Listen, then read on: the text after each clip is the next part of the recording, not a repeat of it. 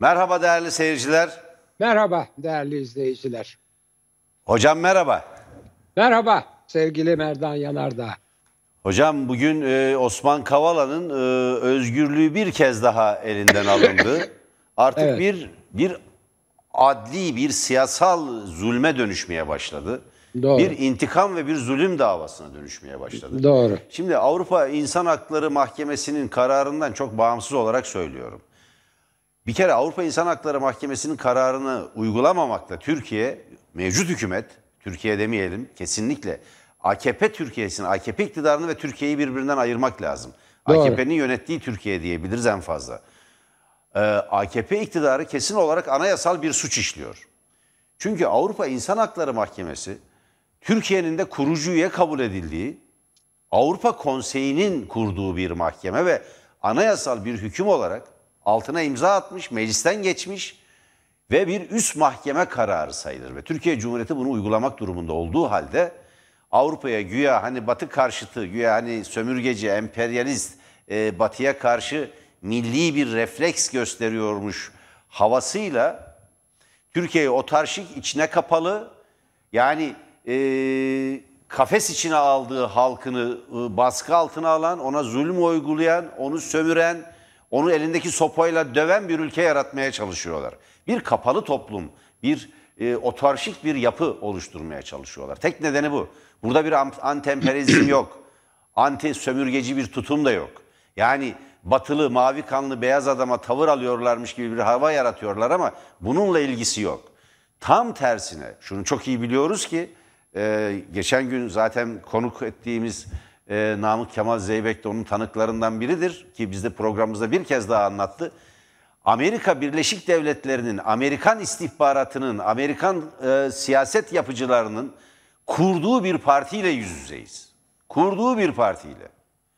Dolayısıyla emperyalizmin çocukları, emperyalizmin iktidara getirdikleri öyle anti-emperyalist bir tavır alıyormuş havası yaratarak hukuku çiğnemeye çalışıyorlar. Bunu ancak bir takım hani daha önce alık liberallerden söz ediyorduk ya bazı alık ulusalcılar ancak bu numarayı yer. Onu da pek yiyen yok. Bugünkü kararın tamamen hukuk dışı olduğu ve siyasal bir etkiyle verildiği açık. Osman Kavala'nın hapiste tutulmasının hukuki bir zemini yok. Ahlaki bir zemini de yok. Hapiste tutulmasının tek bir nedeni var. Dinci faşizan iktidar bir intikam davası gidiyor.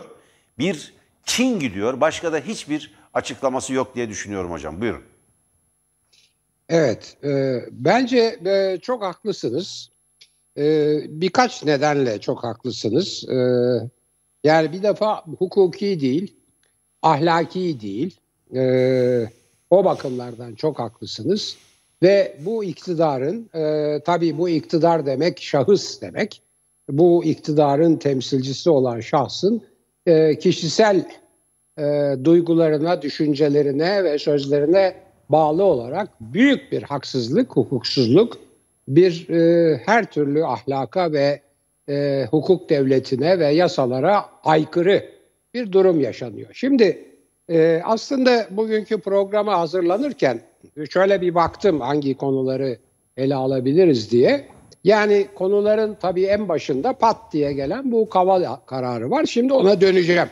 Fakat o kararla ilgili olarak, ilişkili olarak başka şeyler de var. Hemen bir tanesini söyleyeyim. Mesela Türkiye e, ekonomik özgürlük e, endeksinde 160 ülke arasında 114. ülkeye düşmüş. 14 14 sıra birden gerilemiş ve Fiji ile birlikte aynı sırada falan. Bir, bu var. İki, yani bu yolsuzluklar tabii yolsuzluklar e, açısından. İki, yolsuzluklar konusunda bugün iki olay var. Birisi e, Cumhuriyet'in manşeti, öbürü e, T24'te Tolga Şarda'nın bir e, haberi. E, Cumhuriyet'teki manşeti Şehriban e, hazırlamış. İşte o e, ekonomik özgürlük meselesi o. Ve tabii bir de müeydelerin olmayışı yani e, yolsuzlukların kovuşturulmayışı vesaire var. Şimdi Tolga Şarda'nın yazısı da fevkalade önemli. Ona da ileride döneceğim. Yani vakit kalırsa olmazsa yarın muhakkak o konuya dönmek lazım. Çünkü o yazıda da bu göçmenlik satın alınan vatandaşlık konusunda e, bir e, takım örgütlerin yerel yöneticilerle, bürokratlarla hatta hukuk insanlarıyla işbirliği yaparak böyle e, emlak komisyoncularıyla vesairelerle sat, satın satılan vatandaşlık üzerinden nasıl kar sağladıklarını hocam. anlatıyor. Müthiş bir şey. İkincisi bu. Tabii orada aynı zamanda gene bugün Twitter'da sordum. Bir CHP milletvekilinin iddiası var. Van'daki dört savcının el konan e, uyuşturucuları satma konusunda bir e, şey kurmuş olmaları, çete kurmuş olmaları filan. Bu biraz eski bir haber. Geçen yıl Temmuz'u ama ne oldu? Yani şimdi özet olarak şunu söylemek istiyorum. Ee, Kavala olayı artı yolsuzluklar, artı hukuksuzluklar, adaletsizlikler hepsi tek kaynaklı ve bütün bunların kaynağı tek kişi yönetimi. Ve o yönetimi yapan tabii tek kişi. Ee, dolayısıyla e, yani öyle bir devlet ki devlet eşit çünkü kişi dendi artık e, e, 16 Nisan 2017 referandumundan sonra her şey ama her şey yani mahkemeler, kararlar, e, devlet, e, bu bürokratik e, bir takım kurulların Tele1'e veya e, gazetelere kestiği cezalar falan o bir kişinin duygularına, düşüncelerine, yeteneklerine ve ruh sağlığına, ruh ve beden sağlığına bağlı. Dolayısıyla bütün bunların düzeltilmesi için mutlaka bu iktidardan ve bu rejimden kurtulmamız lazım diyorum. Buyurunuz efendim. Teşekkür ederim hocam. Bugün diğer bir gelişme de Sezgin Baran Korkmaz konusunda yine bir adli gelişme var. Avusturya'da yargılandığı mahkeme kendisinin Amerika Birleşik Devletleri'ne de iade edilmesine karar verdi. Ama süreç biraz farklı işleyecek. Türkiye'ye de bir iade e, talebi ve bu konuda da verilen, bu yönde de verilen bir karar vardı. Şimdi e, ikinci aşamada Türkiye'ye mi Amerika Birleşik Devletleri'ne mi verileceğine ilişkin nihai bir karar oluşturulacak. Ona göre de kaderi belli olacak. Ama Sezgin Baran Korkmaz'ın Amerika Birleşik Devletleri'ne iade edilmesinin kesinleşmesi halinde ki bu iade edilmesi yolunda önemli bir adımın atıldığını gösteriyor Avusturya'daki mahkemenin kesinleşmesi halinde Türkiye'deki birçok dengeyi derinden etkileyeceği açık. Süleyman Soylu hakkındaki iddialar, iktidar partisi hakkındaki iddialar, Türkiye'deki kara paranın aklanması, Türkiye'nin gri listeye bu nedenle girmesi, kara paranın aklanmasına ilişkin yasanın ihlali daha doğrusu ve e, bu konuda Türkiye'nin gri listeye alındığı da hatırlanırsa eğer hem iktidarı sarsabilecek bir takım ilişkiler açığa çıkacak ee, hem bir takım bakanları bunların başında Süleyman Soylu geliyor. Ee, onları çok sarsacak bir takım e, açıklamalar yapılabilir. Çünkü Sezgin Baran Korkmaz'ın e, Amerika Birleşik Devletleri tarafından istenme nedeni şu. Kingston kardeşler diye bilinen e, orada Amerika Birleşik Devletleri'nde bir tarikat mensubu bunlar. E, iki kardeş. Kingston kardeşler diye bilinen ve Amerika Birleşik Devletleri'nde tutuklanan ve itirafçı olan iki kardeşle birlikte Türkiye'de Amerikan hazinesini ve Amerikan e, Maliye Bakanlığı'nı e, dolandırarak e, o paraların Türkiye'de aklandığına dair yapılan bir suçlama var. Kingston kardeşler orada yargılandı ki Amerikan mali suçları da hiç affı yok. Yani herkes hatırlayacaktır. Al Capone gibi gelmiş geçmiş en büyük Amerikan mafyasının en büyük e, şeflerinden birini bir muhasebe yolsuzluğu, bir mali yolsuzluk nedeniyle yakalayıp hapse attılar ve hapiste öldü adam. Bakın onlarca belki yüzlerce cinayet işlettiği halde, kaçakçılık yaptığı halde her şeyi o kadar sistematik ve illegal bir biçimde yapıyordu ki hep suçu başkaları üstleniyordu. Kendisi bütün suçların dışına çekmişti kendini. Şirketlerindeki bakın şirketindeki ya da şirketlerindeki bir eee, muhasebe yolsuzluğu, muhasebe hatası gibi gösterilen bir vergi kaçakçılığından hapse girdi. Amerika'nın bu konuda affı yok. Eğer Sezgin Baran Korkmaz Amerika Birleşik Devletleri'ne iadesi kesinleşir ve oraya gönderilirse kurtarmasının kendisini kurtarmasının tek bir yolu var itirafçı olmak. Değilse yaşam boyu hapiste kalabilir. Ancak 30 yıl yattıktan sonra evde yani şartlı tahliye yapılıp yapılmayacağı e, gündeme getirilebilir. O da müfettişlerin uygun raporları varsa. O bakımdan ben e, Türkiye'deki iktidar çevreleri için ikinci korkulu adım ve bir yeni bir bakın Zıra- Rıza Sarraf'tan daha tehlikeli bir durum var burada. Rıza Sarraf'a ilişkin suçlamalar dolaylı bir biçimde iktidarı şu ya da bu şekilde etkiliyordu. Burada çok doğrudan birebir isimler var. Yani Sadece iş Paramount Otel vesaire filan değil. Onun ötesine geçen büyük bir kara para aklama olayı var. Bu kara paranın Türkiye'de bazı iktidar e, çevreleri yani iktidara yakın bazı çevrelerin e, katkısı olmadan, onlar yol vermeden böyle bir işin yapılması mümkün değil. Ve zaten bundan haberdar olunmuş, e, haber alınmış olacak ki yani dediler ya ya biz karpuzu, topu yani şey ateşten topu onların kucağına bıraktık dedikleri olay bu. Sezgin Baran Korkmaz'ı çağırıyorlar. Senin hakkında e, gelişmeler tehlikeli bir seyir almaya başladı.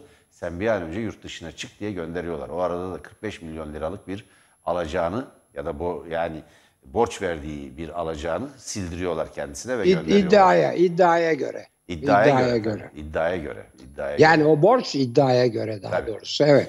Sonra o borcun kaynağını e, açıkladılar hocam. E, belli bir e, somutlanmış yanında var ama iddia demek daha doğru evet. Buyurun. Evet. e, Şimdi e, bu da dahil yani özellikle Sezgin Baran Korkmaz e, olayı da dahil ucu iktidara e, kadar gidiyor. İktidara gitmekle de kalmıyor. Yani ucu iktidara gidebilir, en tepeye ulaşır, ulaşmaz, ar- arada kesilir filan. Onlar önemli değil. Önemli olan şu. Türkiye'deki bütün muameleler, bütün yargı kararları, bütün idari kararlar, bürokrasinin bütün kararları, hatta bütün yasama kararları tek bir kişinin isteklerine, bilgisine, e, efendim kültürüne, ideolojisine, ideolojisine göre biçimleniyor. Şimdi hatırlanırsa Sezgin Baran Korkmaz olayında çok önemli iki tane e, iki tane bilinen gerçek var. Bu gerçeklerden bir tanesi Sezgin Baran'ın önce bir mahkeme kararıyla bütün mal varlığına vesairesine el konması ve kendisine de yurt dışı da yasağa getirilmesi Ee, ve bunun üstüne yine bir bu masak kararıyla oluyor. Bu yine bir e, sonradan olmadığı keşfedilen bir masak kararıyla yeniden bir masak raporuyla yeniden bir mahkeme kararıyla hem e, mal varlığı üstündeki e, bu her türlü ipoteğin kaldırılması hem de yurt dışına çıkma yasağının kaldırılarak kendisinin yurt dışına kaçırılması. Yani kaçırmışlar git demişler gitmiş. Şimdi burada dikkati çeken birkaç çok önemli nokta var. Burada bir masak meselesi var. Masak, Mali Suçları Araştırma Komisyonu değerli Komisyonu. seyirciler adı. Evet, Açılımı evet. bu. Masak Evet, onun Masak- kısaltılmışı. Mali Suçları bu- Araştırma Komisyonu. bu FATF için yani Türkiye'deki kara para aklamasını önlemek için kurulmuş bir Özel bir, bir yasayla örgüt. kurulmuş, çok son Evet. derece etkili ve yetkili bir kuruldur o. yetkili. Fakat onun varlığına rağmen Türkiye maalesef bu kara para aklamada da gri listeye alındı. Dikkat edin. Alındı. Alınma tehlikesi falan değil. Gri listeye alındı. Kara listeye alınma tehlikesi var. Öyle masak filan. Şimdi onun için bu masak olayı çok önemli. Şimdi anlaşılıyor ki masak bir rapor vermiş.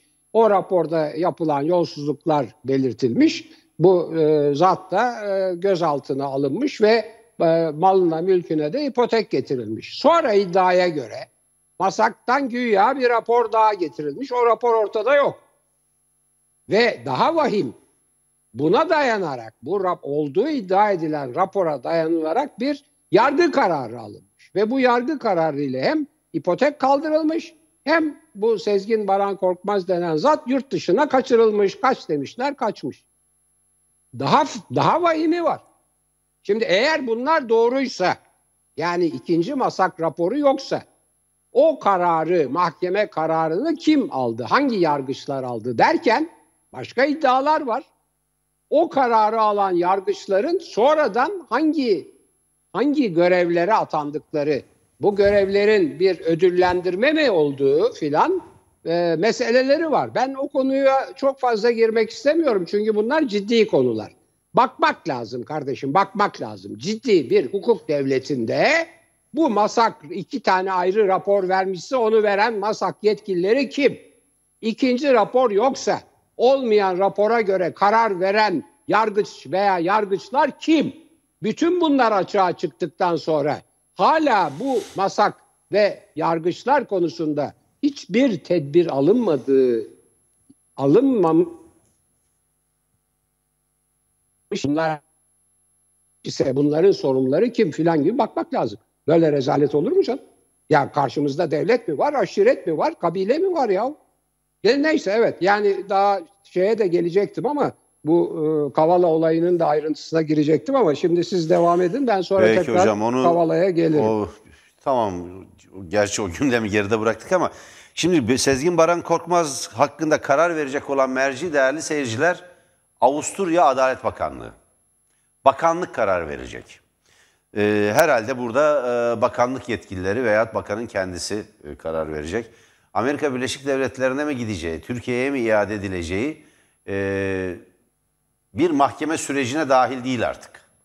Önümüzdeki günlerde bir gün karar verecek Adalet Bakanlığı, Avusturya Adalet Bakanlığı ve e, büyük bir olasılıkla e, Amerika Birleşik Devletleri'ne gönderecek.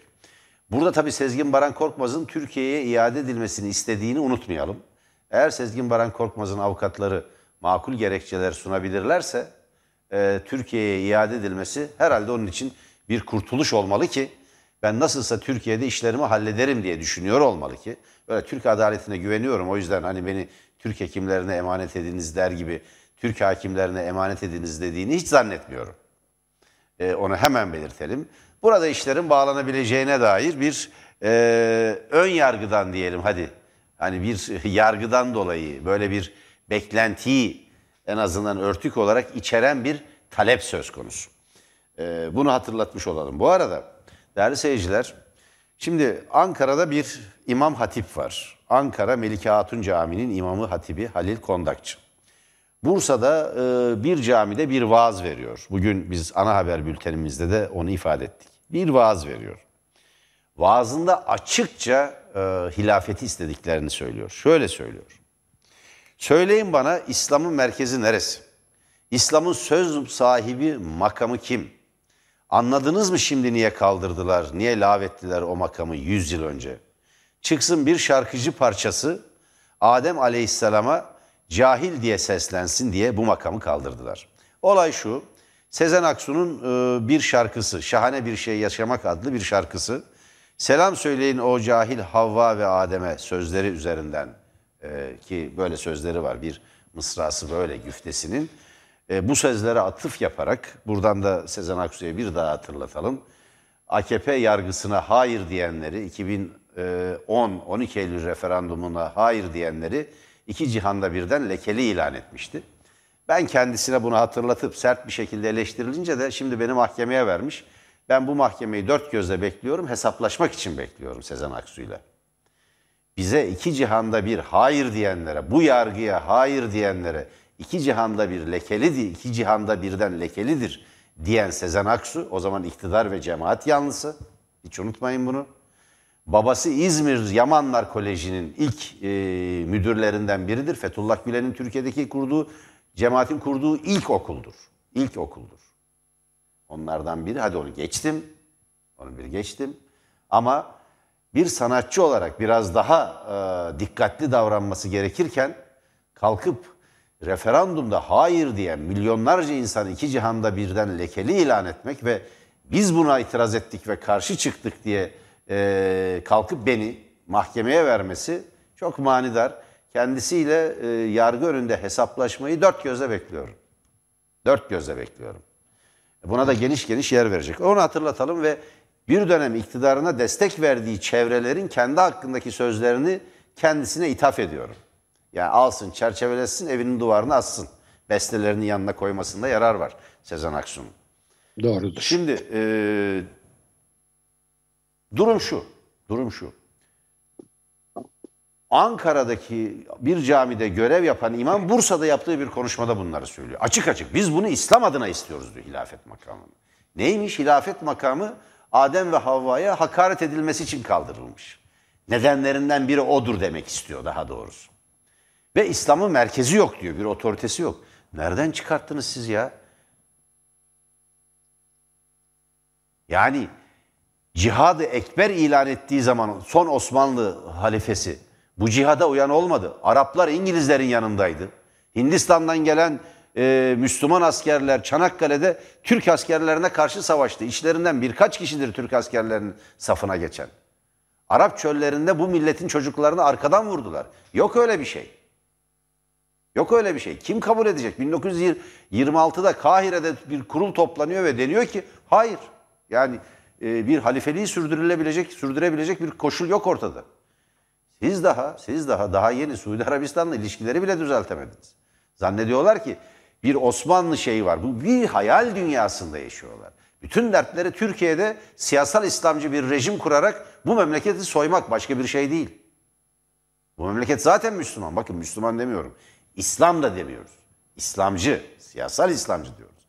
İslam'ı siyasal sebeplerle, İslam'ı ekonomik sebeplerle, çıkarları için istismar edenler demek. Bunun altını çizelim. Hilafet istiyor beyefendi. Hilafet bu ülkede, hilafet bu ülkede bir devrimle, kan ve ateş içinden gelen insanların mücadelesiyle hilafet kaldırıldı. Ve laiklik ilan edildi, cumhuriyet ilan edildi. Bunu ancak aynı yöntemle kaldırabilirsiniz.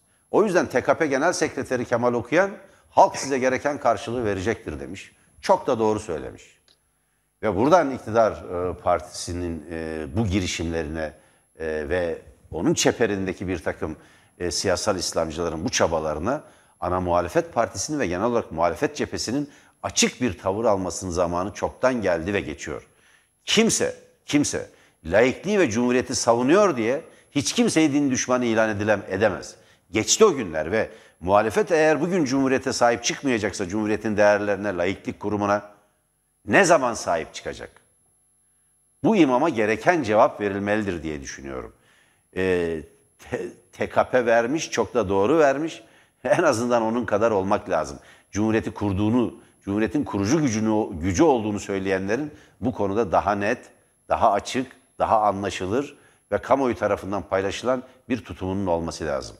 Hilafet bir efsane. Hilafet gelince zannediyorlar ki İslam'a dair her şey büyüyecek. Hayır ya kime kabul ettireceksiniz? Bağdadi, IŞİD'in lideri Bağdadi kendisini halife ilan etti zaten. Her tarafta kendisini halife ilan edenler var.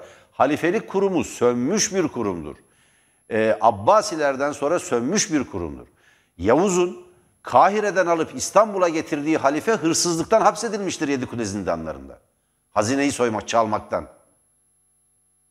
Beytülmal'a el uzatmaktan hapsediliyor. Kanuni Sultan Süleyman onu serbest bırakarak Mısır'a dönmesine izin veriyor. Ve hayatının sonuna kadar orada halifelik yapıyor. Ölünce de halifelik bitiyor zaten. Yavuz'un hilafeti İstanbul'a getirdiği, Osmanlı'ya getirdiği de bir yalan. Yok böyle bir şey. Halifeyi getiriyor, halifeliği değil. Osmanlı çözülmeye başlayınca gerileme ve çökme döneminde Müslüman toplumları elinde, elinde tutmak için halifeliğin Osmanlı hanedanlığına geçtiğine dair bir efsane uyduruyorlar. Ve Abdülhamit'e kadar halife ünvanını kullanan padişah yok. İslam adına karar verenler, fetva verenler Şeyhülislam o nedenle. Şeyhülislam'dan aldığı fetva ile Türkiye'de padişahlar indiriliyor tahttan. Öyle değil mi hocam? Evet efendim. Evet. Buyurun, buyurun. Evet, şimdi değerli izleyiciler, e, e, e, Osman Kavala'ya geri dönüyorum. Her ne kadar sevgili Evet hocam yanında, buyurun buyurun tabii tabii. Hayır siz yani ben dönmeyeceğim o anlamda dedim. Ha, hayır açtık dediniz açmadık tabii. Daha bugün öğleden sonra olan bir olay. Çok taze bir de ben programın başında döneceğimi söylemiştim özet yaparken. Şimdi değerli izleyiciler olayın çok hüzün verici birkaç yönü var. Birinci yönü şu. Osman Kavala beraat ettiği bir davadan yargılanıyor. İster inanın ister inanmayın. Osman Kavala bir davadan yani Gezi davasından esas olarak beraat ediyor. Gezi davasından onunla birlikte bütün e, sanıklar beraat ediyorlar. Çünkü hiçbir ciddi kanıt yok. Hiçbir yani bilmem e, kaç yüz tane e, işte e, pizza ısmarlanmış da o gece onun bedeli de Amerika'dan ödenmiş bir kredi kartıyla filan gibi abuk sabuk. Türkiye'de o kadar pizza üretecek bir gecede e, gecenin 11'inde e, e, servis yapacak pizzacı yok e, filan öyle bir şeyler ya abuk sabuk şeyler bunlar e, esasında tabii e, zamanında cemaatin yani Fethullah Gülen şimdiden şimdi FETÖ diye terör örgütü diye ilan edilen Fethullah Gülen örgütünün komplosu, kumpası veya onların deyimiyle filan. Ondan sonra o, o tabii o dava maalesef maalesef Fethullah Gülen'in FETÖ örgütü ilan edilmesinden sonra o sıralarda bu sefer e, bunu devralan AKP'nin adı e, devam ettiriliyor. Hemen hemen aynı gerekçelerle ve ve üç yargıçlı bir e, Ağır Ceza Mahkemesi tarafından oy birliğiyle e, beraat ettiriliyor. Bu çok önemli bu söylediğim şey, bu anlattığım şey. Bunlar unutuldu. Şimdi herkes zannediyor ki Osman Kavala efendim Gezi davasında ta 2013'ten beri işte yargılanıyor. O davada çok yeni kanıtlar var, bir şeyler var, yeni bulgular var. Dolayısıyla hayır öyle değil. Osman Kavala o davadan beraat etti değerli izleyiciler. Beraat. Ve ve felaket devam ediyor. Ne oluyor? Hemen bir saat belki bir saat bile değil çünkü tutuklu bulunduğu yerde Silivri'de beraat ettirilen ettiren mahkeme de Silivri'de hemen e, tahliye edilmesi gerekirken 7 saat filan tahliye edilmiyor ve ondan sonra birdenbire bir başka e, davada bir yargıç tarafından açılan ve mahkemeye verilen bir başka davada bir başka mahkeme kararıyla yeniden tutuklanmasına karar veriliyor. Daha bitmedi. Yani tahliyesi önleniyor. Ondan sonra başka bitmiş veya başka farklı Beşiktaş davası gibi filan veya casusluk davası gibi böyle abuk sabuk başka davalarla birleştirilip yepyeni bir dava icat ediliyor. Ama o davanın da delilleri ve iddiaları çok abuk sabuk ve somut kanıtlara dayanmadığı için böyle gayet e, işte bütün dünyaya maalesef maskara oluyoruz. Çok çok çirkin şeyler oluyor. Çünkü herkes bunları izliyor yani bunlar resmi belge. O yüzden işte 10 tane e, ülkenin e, Türkiye'deki temsilcisi ya buna uyun yani e, Avrupa Konseyi'nin bir e, e, organı olan Avrupa İnsan Hakları Mahkemesi kararına uyun dedi. Yani önce Avrupa İnsan Hakları Mahkemesi kararı bu olmaz böyle şey. Siz bunu bunu bırakın tahliye edin dedi ve üstelik hiç yapmadığı da bir şeyi yaptı. Kavala olayında siz Kavala olayında siz siyasal siyasal tercihlerinizi kullanıyorsunuz ve e, ifade özgürlüğünü zedeliyorsunuz diye alışılmamış bir maddeye dayanarak da karar verdi. Hala bunda ısrar eden Türkiye biraz evvel sevgili Yanardağ'ın söylediği gibi kurucu üyesi olduğu Avrupa Konseyi'nin en önemli organı olduğu Avrupa İnsan Hakları Mahkemesi'nin kararına karşı direndi direndi müeyyideyle cezayla karşı karşıya bunu önlemek için işte 10 e, başka devletin temsilcisi bir uyarıda bulundular. Uyarı, bulundukları uyarı da anayasaya uyun diyor. Çünkü şimdi sıkı durun anayasamıza göre bakın anayasamıza göre değerli izleyiciler bunlar bunlar ya unutturuluyor ya üstleri örtülüyor. Anayasamıza göre Avrupa İnsan Hakları Mahkemesi'nin kararlarına uymak zorunda Türk yargısı. Bakın tekrar et Türk yargısı. Yani Avrupa İnsan Hakları Mahkemesi'nin kararı bir yabancı mahkemenin, bir emperyalizmin ajanı falan değil. Anayasamıza göre, tekrar ediyorum anayasamıza göre Türk hukukunun en üst düzeydeki karar merci. Anayasa ondan sonra Anayasa Mahkemesi geliyor.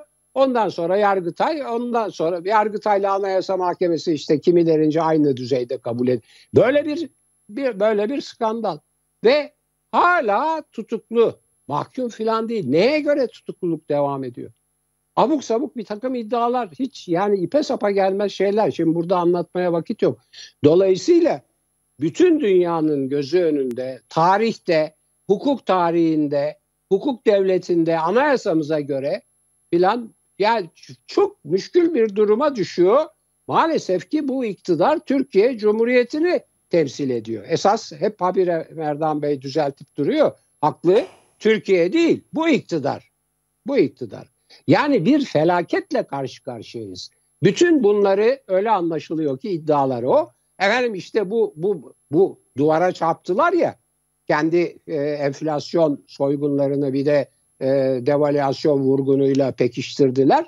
Bunun bedelini ileride unutturacak çünkü ne derlerse unutturuyorlar geçmişi. Bunun bedelini diyecekler ki hiç ilgisi olmadığı halde çok sonradan olduğu halde efendim işte Kavala yüzünden dış mihraklar, dış güçler bize bunu yaptırıyor filan diyecekler diye kimse artık kendileri de inanmıyor, kendilerini destekleyenler de inanmıyor. Çünkü elektriği açtığın zaman zam, mutfağa girdiğin zaman hiçbir şey yok. ekmek bile alamıyorsun filan böyle bir felaket. Bu felaketi dış güçlere falan öyle kimse artık onları yutmuyor. Efendim buyurun. Teşekkür ederim hocam. Şimdi değerli seyirciler biz Tele1 olarak e, birçok saldırıyla karşı karşıya kaldık bugüne kadar. İktidar çevrelerinden gelen baskılar, saldırılar, e, çeşitli gerici çevrelerden, e, faşist çevrelerden, demokrasi ve özgürlüklere düşman olan çevrelerden, basın özgürlüğünden yana olmayan çevrelerden, iktidar çevrelerinden, trollerden, herkesten ve yandaş medyadan. Şimdi yandaş medyada son dönemlerde yine bir saldırı var. Bu yandaş medyanın operasyon gazetesi olan bir operasyon bülteni gibi çıkan takvim gazetesi üzerinden sistematik olarak Tele1'e saldırılıyor. İftira atılıyor. Şimdi bu sabah ve takvim gazetesi yani bu A Haber filan bu dün de A Haber'de e, hocam sıkı durun. E, biz burada cahilce yorumlar yapıyormuşuz. Yani orada e, Mehmet Barlas'ın eşi, oğlu ve e, bir e, bir topluluk var. Yani hem bilgisizler hem görgüsüzler. Yani o kadar bilgisizler ki o kadar bilgisizlik yani o kadar cehalet ancak bir e, tedrisatla mümkün yani eğitimle mümkün. Siz ve biz cahilce yorumlar yapıyormuşuz iyi mi? Yani böyle bir e, böyle bir iddiaları var. E, böyle bir iddiaları var. Onu geçtim. Onun hiç önemi yok. Hiçbir önemi yok. Halk TV'den de Ayşenur Aslan'ın görüntülerini koymuşlar. Onu iddia ediyorlar. Güya biz İslam hakkında bilgisiz olduğumuz halde yorum yapıyormuşuz. Ne? Yani yani çok. Sizin bir sürü okutalım. çalışmanız var. Benim doktora tezim var yani. Ya ben aileden geliyorum ya. ya ben ulemadan Hasan yani, Fehmi Efendi'nin. Bir önemi yok. Ya bir, bir dakika, önemi bir yok. dakika. Evet. Bir dakika. Medresetil Kuzat'ta hocalık yapmış. Ya yani hukuk mektebinde İslam hukuku öğretmiş olan adamın torunuyum ben. Bizim evde onun neyse şimdi uzatmayalım. Evet. Gelsinler de Şimdi okutalım. o program şey komik tabii yani ciddi alınacak bir yanı yok ama asıl mesele şu. Şimdi burada bir özel istihbarat diye bir servisleri var bunların. Bir haber servisleri var. Burada birkaç kişi var. Gayet iyi de tanıyorum o kişileri. İşte Abdurrahman Şimşek vesaire. Bunları not ediyoruz. Bunun hesabını verecekler. Yalan ve iftiraya dayalı habercilik yapmayacaksınız. Akıllı olacaksınız, efendi olacaksınız, terbiyeli olacaksınız öncelikle. Terbiyeli olacaksınız ve haberci gibi davranacaksınız ve habercilik yapacaksınız. Bunun başka bir nedeni yok. Bunun hesabını soracağız. Bunu hiç unutmayacağız. Bunu bir kere peşinden kaydedelim. Ya bizde çalışan arkadaşlarımız bilmem fi tarihinde sırf geçinebilmek için efendim bilmem kime yakın bir e, televizyonda ekran yüzü olmuşlar. Bakıyorsun hakkında hiçbir soruşturma yok. Daha sonra atanan kayyumla da beraber çalışmış. E ne demek istiyorsunuz? Ne var? Yani sonuçta ne olabilir? Kendisi e, cumhuriyetçi, e, Atatürk ülkelerine bağlı, laiklikten yana e, bir insan olduğunu ve gericiliğe karşı e, mücadele ettiğini, felsefi olarak bir tavır içinde olduğunu ve özgür ve bağımsız gazetecilik yaptığını söylüyor. Ne var bunda? Ya bunu özel istihbarat diye vermeye çalışıyorlar. Şimdi bu bir kere ayıp. Bir, bunu unutmadık. Bunun hesabını soracağız. Bunu buraya yazın. Biz bunu not ettik. Bunu bu kadar akılsızlık olmaz. Bu kadar akılsızlık olmaz. Akıllı olun derken kastettiğim bir akılsızlık. Yani buradan vurmaya, o kadar zavallılar ki buradan vurmaya kalkıyorlar. Efendim neymiş? Ben burada demişim ki işte 5. E, boyut programında geçen gün konuştuk. O, o da Sabah gazetesi, yine takvim gazetesi. E, beyin kilitlenmesine e, yol açar. Doğmatik eğitim kastettiği. Ama öyle bir çarpıtmayla veriyorlar ki sanki Kur'an-ı Kerim okumak beyin kilitlenmesine yol açar demişim gibi büyük bir yalan ve demagojiyle, bir çarpıtmayla insanları kandırmaya sanki bizi din ve İslam düşmanı gibi göstermeye çalışıyorlar. Şimdi bakın işte bu akılsızlık bu. İftira bu, yalancılık bu. Bütün bunlara not ediyoruz. Bundan emin olun. Bunun hesabını vereceksiniz. Bir de bütün bunlar için özel istihbarat servisi gibi bir servis kurmuşlar. Özel istihbaratta bu iyi mi? Yani e, ekranı takip ederek siz özel istihbarat mı yaptınız? Böyle bir habercilik mi olur? Haberciliğin bir namusu var, bir haysiyeti var. Bir haysiyeti var. Her şeyden önce mücadele ettiğiniz insanlar kadar mert olacaksınız. Şimdi tanıdığım çocuklar var. Kendilerini yani çok da şey yapmak istemiyorum. Hani hırpalamak istemiyorum aralarında. Yani patronlarınızın verdiği üç kuruş paraya bu değmez. Bu değmez. Bu iktidar gidiyor. Unutmayın. Ve bu iktidar giderken ayak altında kalırsınız. Sizi ortada bırakırlar. Bu kadar söylemiş olayım. Ve e, paylaştığım tweette de çok net bir şekilde koydum ki and olsun ki ne gericiliğe ne faşizme, ne yalana, ne iftiraya, ne de demokrasi ve özgürlük düşmanlığına ve düşmanlarına boyun eğmeyeceğiz. Bunu hiç unutmayın. Bunu hiç unutmayın. Başkasına benzemeyiz, bizi bilen bilir. Bunu hiç unutmayın. Buyurun hocam.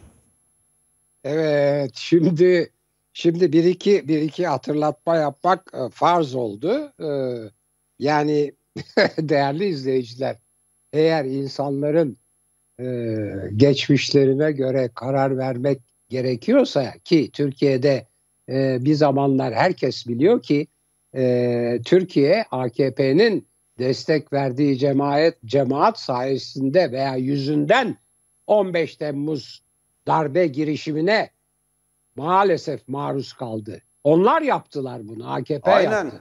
Onlar yaptı. Şimdi bir de bunu hatırlattıktan sonra biz kumpas çok, davalarından hapiste yatarken onlar iktidarı Evet, paylaşıyorlar. çok çok yeni, çok Yani güncel, çok Kapmışlar. yeni, Evet. çok yeni, çok güncel bir olayı hatırlatayım. Ee, bu e, çok yeni bir Maliye Bakanı var. Hazine ve Maliye Bakanı.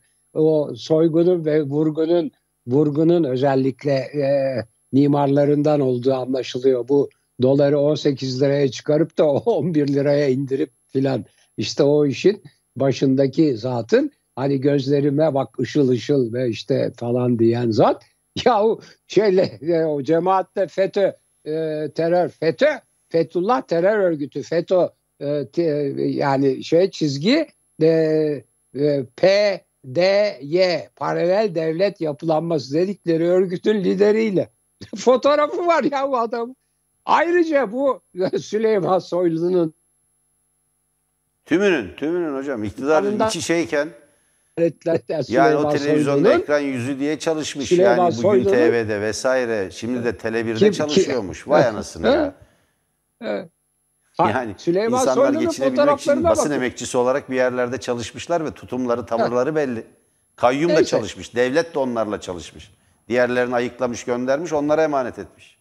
Efendim yani eğer geçmişe ve fotoğraflara filan bakacak olursanız şu bunu söyleyenlerin yatacak mezarda yatacak yerleri yok. Gece yatacak yatakları bu bir. Ayıp her şeyden önce. Ayıp. ayıp. İkinci ikinci olarak söylemek istediğim bir şey e, bu bütün e, değerli izleyicilerime e, İslam'ı Müslümanlığı öğrenmek isteyen herkese bir e, bir tavsiye iki tane kaynak tavsiyem var. Bizim evde ben onların bir tanesi arkamda görülüyor o kitapların şeyinde bir tanesi Leyden baskısı e, İslam ansiklopedisidir. Müthiş bir eserdir. Batı'nın bütün araştırmacıları artı Türkiye'deki İslam e, ve tarih ve dil bilimcilerin ilaveleriyle ve düzeltileriyle Türkiye'ye çevrilip Türkçe'ye çevrilip yayınlanmış dünyadaki en ileri ansiklopedidir. E, şu anda şey de fena değildir. Yani Diyanet Vakfı'nın ansiklopedisi de çok fena değildir. Ama yani bunun yanında hiç sözü edilemez. Bu çok bu müthiş bir eser. Yani onun tarih şey filan. Neyse bir o ona baksınlar, onu alsınlar, edilsinler. İkincisi de çok merak ediyorlarsa görünümünü benim Instagram hesabıma girip baksınlar. Elmalılı Hamdi'nin, Hamdi Yazır'ın, Elmalılı Hamdi Yazır'ın Kur'an tefsiri. Ee, beş, e, böyle şeyli e, yeşil ciltlidir, 5-6 cilttir. Şey, orada benim şeyde e, fotoğrafı da var. Ben onu evimde e, tutuyorum en seçkin yerimde. Bir de ona bakarlar. Gayet Türkçesi de anlaşılırdır. Oradan okusunlar. Kur'an-ı Kerim'i de ondan okusunlar. Yetmiyorsa tabii e, başka e, böyle e, işte çok değerli İslam bilginleri var. Onların Kur'an tefsirlerine de bakabilirler. Ondan sonra da oturup biraz kendi suratlarına baksınlar. Peki efendim. Ben bu iki şeyi hatırlatmak istedim sadece. Teşekkür ederim. Evet hocam çok açık yani çok da önemi yok o, bu konuyu e, geçelim.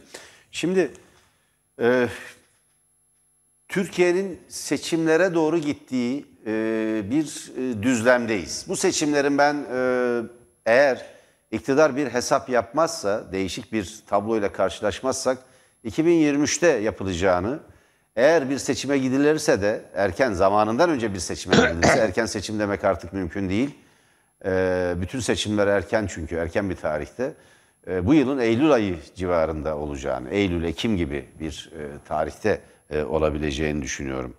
E, bu ara tabii bir takım e, isimler gündeme gelmeye başladı. Şimdi bugün Abdülkadir Selvi Hürriyet gazetesindeki e, köşesinde yazmış. Güya Cumhuriyet Halk Partisi içinde İmamoğlucular ve Kılıçdaroğlucular varmış ve bunlar arasında dosya savaşları varmış.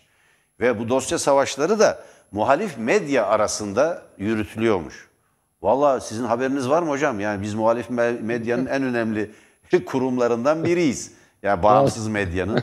Vallahi bizde Kılıçdaroğlucu ve e, İmamoğlucu diye kimse yok. Yani böyle bir savaşta görmedik vallahi. Diğer kanallarda da arkadaşlarımız var. Fakat durum şu. Şimdi Abdülkadir Selvi gibi güya objektif davranmaya çalışan. Şimdi bir dönem CHP yöneticileri bu tip isimlere böyle çok fazla paye verdiler. İtibar gösterdiler. Bunun nasıl yanlış olduğunu, nasıl bir kalleşlikle karşılaştıklarını, nasıl arkadan vurduklarını bir daha görsünler. Biraz medyadan gidelim bu nedenle. Abdülkadir Selvi'nin böyle bir açıklaması var. Sanki adam CHP Genel Merkezi'ne oturmuş, bütün trafiği izliyor. Yani CHP Genel Merkezi'ndeki bütün sırlara hakim gibi. Bu şunu gösterir. Böyle bir kavgayı kışkırtıyorlar. Bugün yazıyı dikkatli bir şekilde okudum. Güya baş başa görüşmelerde e, Kılıçdaroğlu e, İmamoğlu'nu ikna edemiyormuş. İmamoğlu direniyormuş. Yani ben aday olmak istiyorum diye direniyormuş. Şimdi bakın Cumhurbaşkanlığına aday olmak isteyebilirler insanlar geçer. Fakat ortada açıkça bir kamuoyu önünde yapılmış deklarasyonlar var. Hem e, Ekrem İmamoğlu hem de adı geçen Mansur Yavaş'ın. Buna karar verecekler. Biz öncelikle CHP'nin adayının kim olacağına dair, dair karar verecek olan CHP'lilerdir. Onlar da onu söylüyorlar. İki, iki, ben Ekrem İmamoğlu'nun kendisiyle konuştum. Yani benim babam gibidir dedi. Ee, Kemal Kılıçdaroğlu'na. Sadece parti liderim değil babam gibidir. Dolayısıyla onun aday olduğu yerde ben aday olmam. Yani ben onun adaylığı için çalışırım. Ancak bana görev verilirse aday olurum dedi. Bakın görev verilirse. Şimdi Kemal Kılıçdaroğlu da açıkça ilan ettim hocam. Bunlar bir dönem daha Mansur Yavaş ve e, Ekrem İmamoğlu bir dönem daha e, belediye başkanlıklarında kalacak diye. Yarın E, bu onun- fikri değişir mi CHP'nin Hayır, bilmiyoruz. Bir Değişebilir. dakika. Ama onun onun bir gerekçesi var. Tabii. Ben o gerekçeye çok katılıyorum. Her ikisi, Seç- her iki, her iki belediyede de belediye meclis üyelerinin çoğunluğu AKP ve MHP'de olduğu için her iki Tabii. belediyede MHP'ye şey AKP'ye geçiyor. AKP MHP blokuna geçiyor. ve, ve hortumlar başlayacak. Gene hortumlar, hortumlar, hortumlar. Seçim öncesi. Tabii. Aday Dolayısıyla onlara zaman. geçmiş oluyor. Aday olduğunuz an zaten istifa ediyorsunuz. Oraya kayyum atanmayacak. Belediye meclisinde seçim Tabii, yapılarak tabii. Hortumlar. belediye meclis üyelerinden biri Büyükşehir Belediye Başkanı olacak. Çünkü prosedür bunu gerektiriyor. İstanbul'daki Çünkü aday belli istifa zaten. nedeniyle boşalan, ölüm ya da istifa nedeniyle boşalan bir makama seçim yapılarak belediye başkanı getirmek mecburiyeti var. Oraya kayyum atanamaz. Ölüm ya da istifa nedeniyle e, boşalan bir belediye makamına. Kayyum atanamaz. E, belediye meclisinde seçim yapılması gerekiyor. Bir soruşturma nedeniyle görevden alınanın yerine de şart değil ama kayyum atanabilir. Orada da belediye meclisi seçim yapılabilir.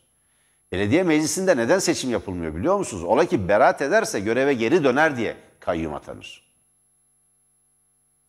Nedeni bu.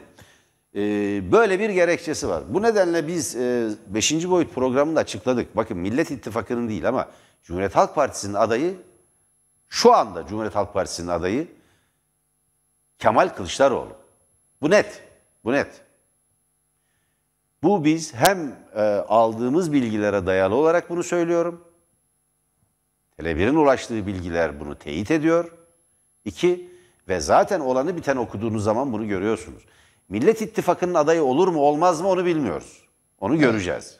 Ama Evet. Meral Akşener'in buna yol verdiği açık kendisi başbakanlığa aday olduğunu söyleyerek zaten bunun önünü açtı. Yani ben aday değilim dedi. Evet öyle Ee, aday değilim deyince geriye ittifakın iki üyesi kalıyor. Saadet Partisi ve Demokrat Parti. Henüz ittifaklı olmayan ama Millet İttifakı'nın çevresinde olan Deva Partisi ve Gelecek Partisi var. Ve bir de HDP faktörü var. HDP herhangi bir ittifak içinde değil ama Türkiye'de %10'u aşkın bir HDP'li seçmen kitlesi var. Onların Evet. tavrında ne olacağını henüz bilmiyoruz. Dolayısıyla Ekrem İmamoğlu ya da Mansur Yavaş'ın Cumhurbaşkanı adayı olabilmek için önce CHP'nin adayı olmaları gerekiyor. CHP tarafından önerilmeleri gerekiyor ki Millet İttifakı'nın adayı olsun. Evet. Ee, tablo böyle olduğu halde şimdi bunu e, Abdülkadir Selvi yani Hürriyet'in yazarı ki iktidara çok yakın bir isimdir onu belirtelim. Yani tarafsız, objektif gibi bir e, objektif duruyor gibi bir profil vermeye çalışsa da Türkiye'deki e, önde gelen yandaş kalemlerden biridir. İktidar yandaşı kalemlerden biridir. O şunu söylüyor. Güya Kılıçdaroğlu'yla Kemal e, şey e, Kemal Kılıçdaroğlu'yla e, Ekrem İmamoğlu görüşüyormuş ama Ekrem İmamoğlu'nu Kılıçdaroğlu bir türlü ikna edemiyormuş. Evet, evet. Değerli seyirciler bu tamamen bir yalan, büyük bir yalan. Yapılmak istenen şey de şu, CHP içindeki kavgayı körüklemeye çalışıyorlar. CNN Türk'teki, Habertürk'teki programların nedeni bu. Orada var ya, CHP'nin adayı kim olacak tartışmaları. Değişmeyen KJ şu, altyazı bizim dediğimiz büyük harfle verilen. CHP'nin adayı kim olacak diye bir KJ atıyorlar. Ya bizim saf CHP'lilerin önemli bir kısmı da gidip oraya yani fara tutulmuş tavşan gibi onları izliyorlar. Yapmayın bu reyting avcılığı. Orada iki de kavga çıkartıyorlar ve siz onu izlemeye devam ediyorsunuz. Siz izlediğiniz sürece bu oyunu sürdürecekler. CHP'de böyle bir kavga yok bildiğimiz kadarıyla. Kemal Kılıçdaroğlu'nu beğenirsiniz, beğenmezsiniz. Biz bunlardan bağımsız olarak söylüyoruz. Biz zaten burada bir taraf değiliz. Biz gözlemlerimizi ve bize ulaşan gazeteci olarak ya da bizim ulaştığımız bilgileri sizinle paylaşıyoruz. Ortada büyük bir yalan var. Bakın, bakın. Muharrem İnce, Kemal Kılıçdaroğlu'nun karşısına genel başkan adayı çıktığı halde, genel başkan adayı olarak çıktığı halde Kılıçdaroğlu tarafından aday gösterilmiştir. O dönemde bile böyle bir kavga olmadı. Cumhurbaşkanlığı yarışında. Bunu unutmayın. Buyurun hocam. Evet, şimdi değerli izleyiciler, e, bu e, Abdülkadir Selvi bunları niye yapıyor? E, iki tane e, olay var, yaşanıyor. Ben sizin dikkatinizi onlara çekeyim. Birisi sürekli yaşanıyor, bir süreç.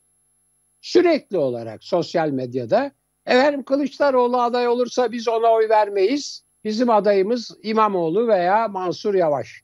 Çünkü sebep işte onlardan biri aday olsun da oradaki hortumları biz seçim öncesi kendimizi akıtalım hikayesi. Efendim Kılıçdaroğlu niye yani hiç e, a, a, abuk Bunlar da genellikle troll hocam. Bütün anketler İşte- yalanlıyor. Ay bir de giriyorsunuz bakıyorsunuz hesaba hemen orada bir Atatürk resmi falan böyle bir şeyler ama bir bakıyorsunuz ki hiç ilgisi yok tamamen sahte. Fakat bütün Neyse. anketlerde Kılıçdaroğlu 10-15 puan fark atıyor zaten. Evet şimdi bir, bir bu var bu süreç hala devam ediyor ve daha edecek. Efendim ben aileden CHP'liyim ama bu Kılıçdaroğlu Evet, evet, aynen. aynen. İkincisi, bugün maalesef medyaya yansıyan felaket bir olay var gene solda. Solda demokrat ve sol geçinen çevrelerde bugün medyaya yansıdı. Felaket bir olay. Bu felaket 1994 seçimlerinde ya- ya- yaşandığı İstanbul'da e, Recep Tayyip Erdoğan, Ankara'da Melih Gökçek belediye başkanı seçildiler. Neydi o felaket? Solun kendi içinde bölünmesi. İstanbul'da da İstanbul'da e, onu e, DSP SP arasındaki bölünme perişan etti. Ankara'da da öyle bir bölünmeyle orada Melih Gökçek bu ve aldıkları oylara bakın felakettir. Yani Ankara'da e, 300 biner oy arasında bilmem bir, bir- bir- birkaç yüz oyla filan Melih Gökçek kazanmıştır. İstanbul'da da bütün katılanların dörtte biri pardon bütün seçmenlerin dörtte biri katılanların bütün seçmenlerin beşte biri katılanların dörtte biriyle yani yüzde 25 oyla seçilmiştir Recep Tayyip Erdoğan. 24 küsur hocam. Evet. evet 25'e tamamlıyoruz. Şimdi bugün yaşanan felaket bir olay var. Ankara Evet. Ankara e, e, Elektrik Mühendisleri Odası'ndaki seçimde iki sol grup bölünüyorlar. Bakın aldıkları oyları şimdi tam söyle uzamasın. Birisi 1100 oy civarı alıyor, öbürü 900 oy civarı alıyor. Küsurları var. Bunlar bölününce 1100 ve 900 diye gene 1100 oy civarı oy alan AKP MHP e, grubu 29 oy farkla 1100 oy alan e, gruptan 29 oy fark fazla alıp 1000 küsur 2000 3000 oluyor işte 1900 daha 2000 o da 1100 3000 küsur oyda 30 oy bile değil 29 oy farkla aldı. Bütün Bir o de- hesaplar bunun üstünde. Tabii tabii tabii evet hocam. Bütün yani Evet, iktidarın size artık Evet. vaat edecek, seçmene vaat edecek hiçbir şeyi kalmadı. Bütün hesaplar acaba birbirlerine düşürebilir miyiz? Bir tefrika yaratabilir miyiz? Bir farklılık, kavga yaratabilir miyiz? Aradan sıyrılabilir Evet miyiz? hocam. Ya Evet. yeter artık. Ankara Elektrik Mühendisleri Odası'ndaki e, bu sonuç e, Türk Mimar ve Mühendis Odaları tarihinde bir ilk. AKP ve MHP sol ve cumhuriyetçi blokun bölünmesi üzerine aradan sıyrılarak Ankara Elektrik Mühendisleri Odası'nın seçimini aldı. Bu çok büyük bir sorumsuzluk. Çok büyük bir sorumsuzluk. Çok büyük bir sorumsuzluk. Bu sonuca yol açanları kınıyorum ben. Çok büyük bir sorumsuzluk. Gerçekten öyle. Şimdi hocam çok doğru hatırlattınız. Bizden hemen sonra şey var. E, Tuncay Molla Veysoğlu'nun iyi bir programı var. Herkesin e, beğenerek izlediği bir program. Anında Manşet programı. Tuncay Molla Veysoğlu'nun e, konukları e, Ufuk Söylemez, eski ekonomi bakanı, ekonomi ve devlet bakanlarından Ufuk Söylemez, Cumhuriyet Halk Partisi Parti Meclisi üyesi Gökhan Zeybek, Cumhuriyet Halk Partisi gençlik politikalarından sorumlu Genel Başkan Yardımcısı Gökçe Gökçen, e, eski milletvekili ki e, AKP milletvekillerinden iş insanı e, Emin Şirin, iktisatçı Profesör Doktor Duran Bülbül. Bugün günü ve gündemi değerlendirecekler. Anında manşeti kaçırmayın, Tele1'den ayrılmayın. Hoşçakalın değerli seyirciler. Evet unutmuyoruz değil mi? Şerefimize, haysiyetimize, sağlığımıza önce ve varsa paramıza sahip çıkıyoruz. Görüşmek üzere.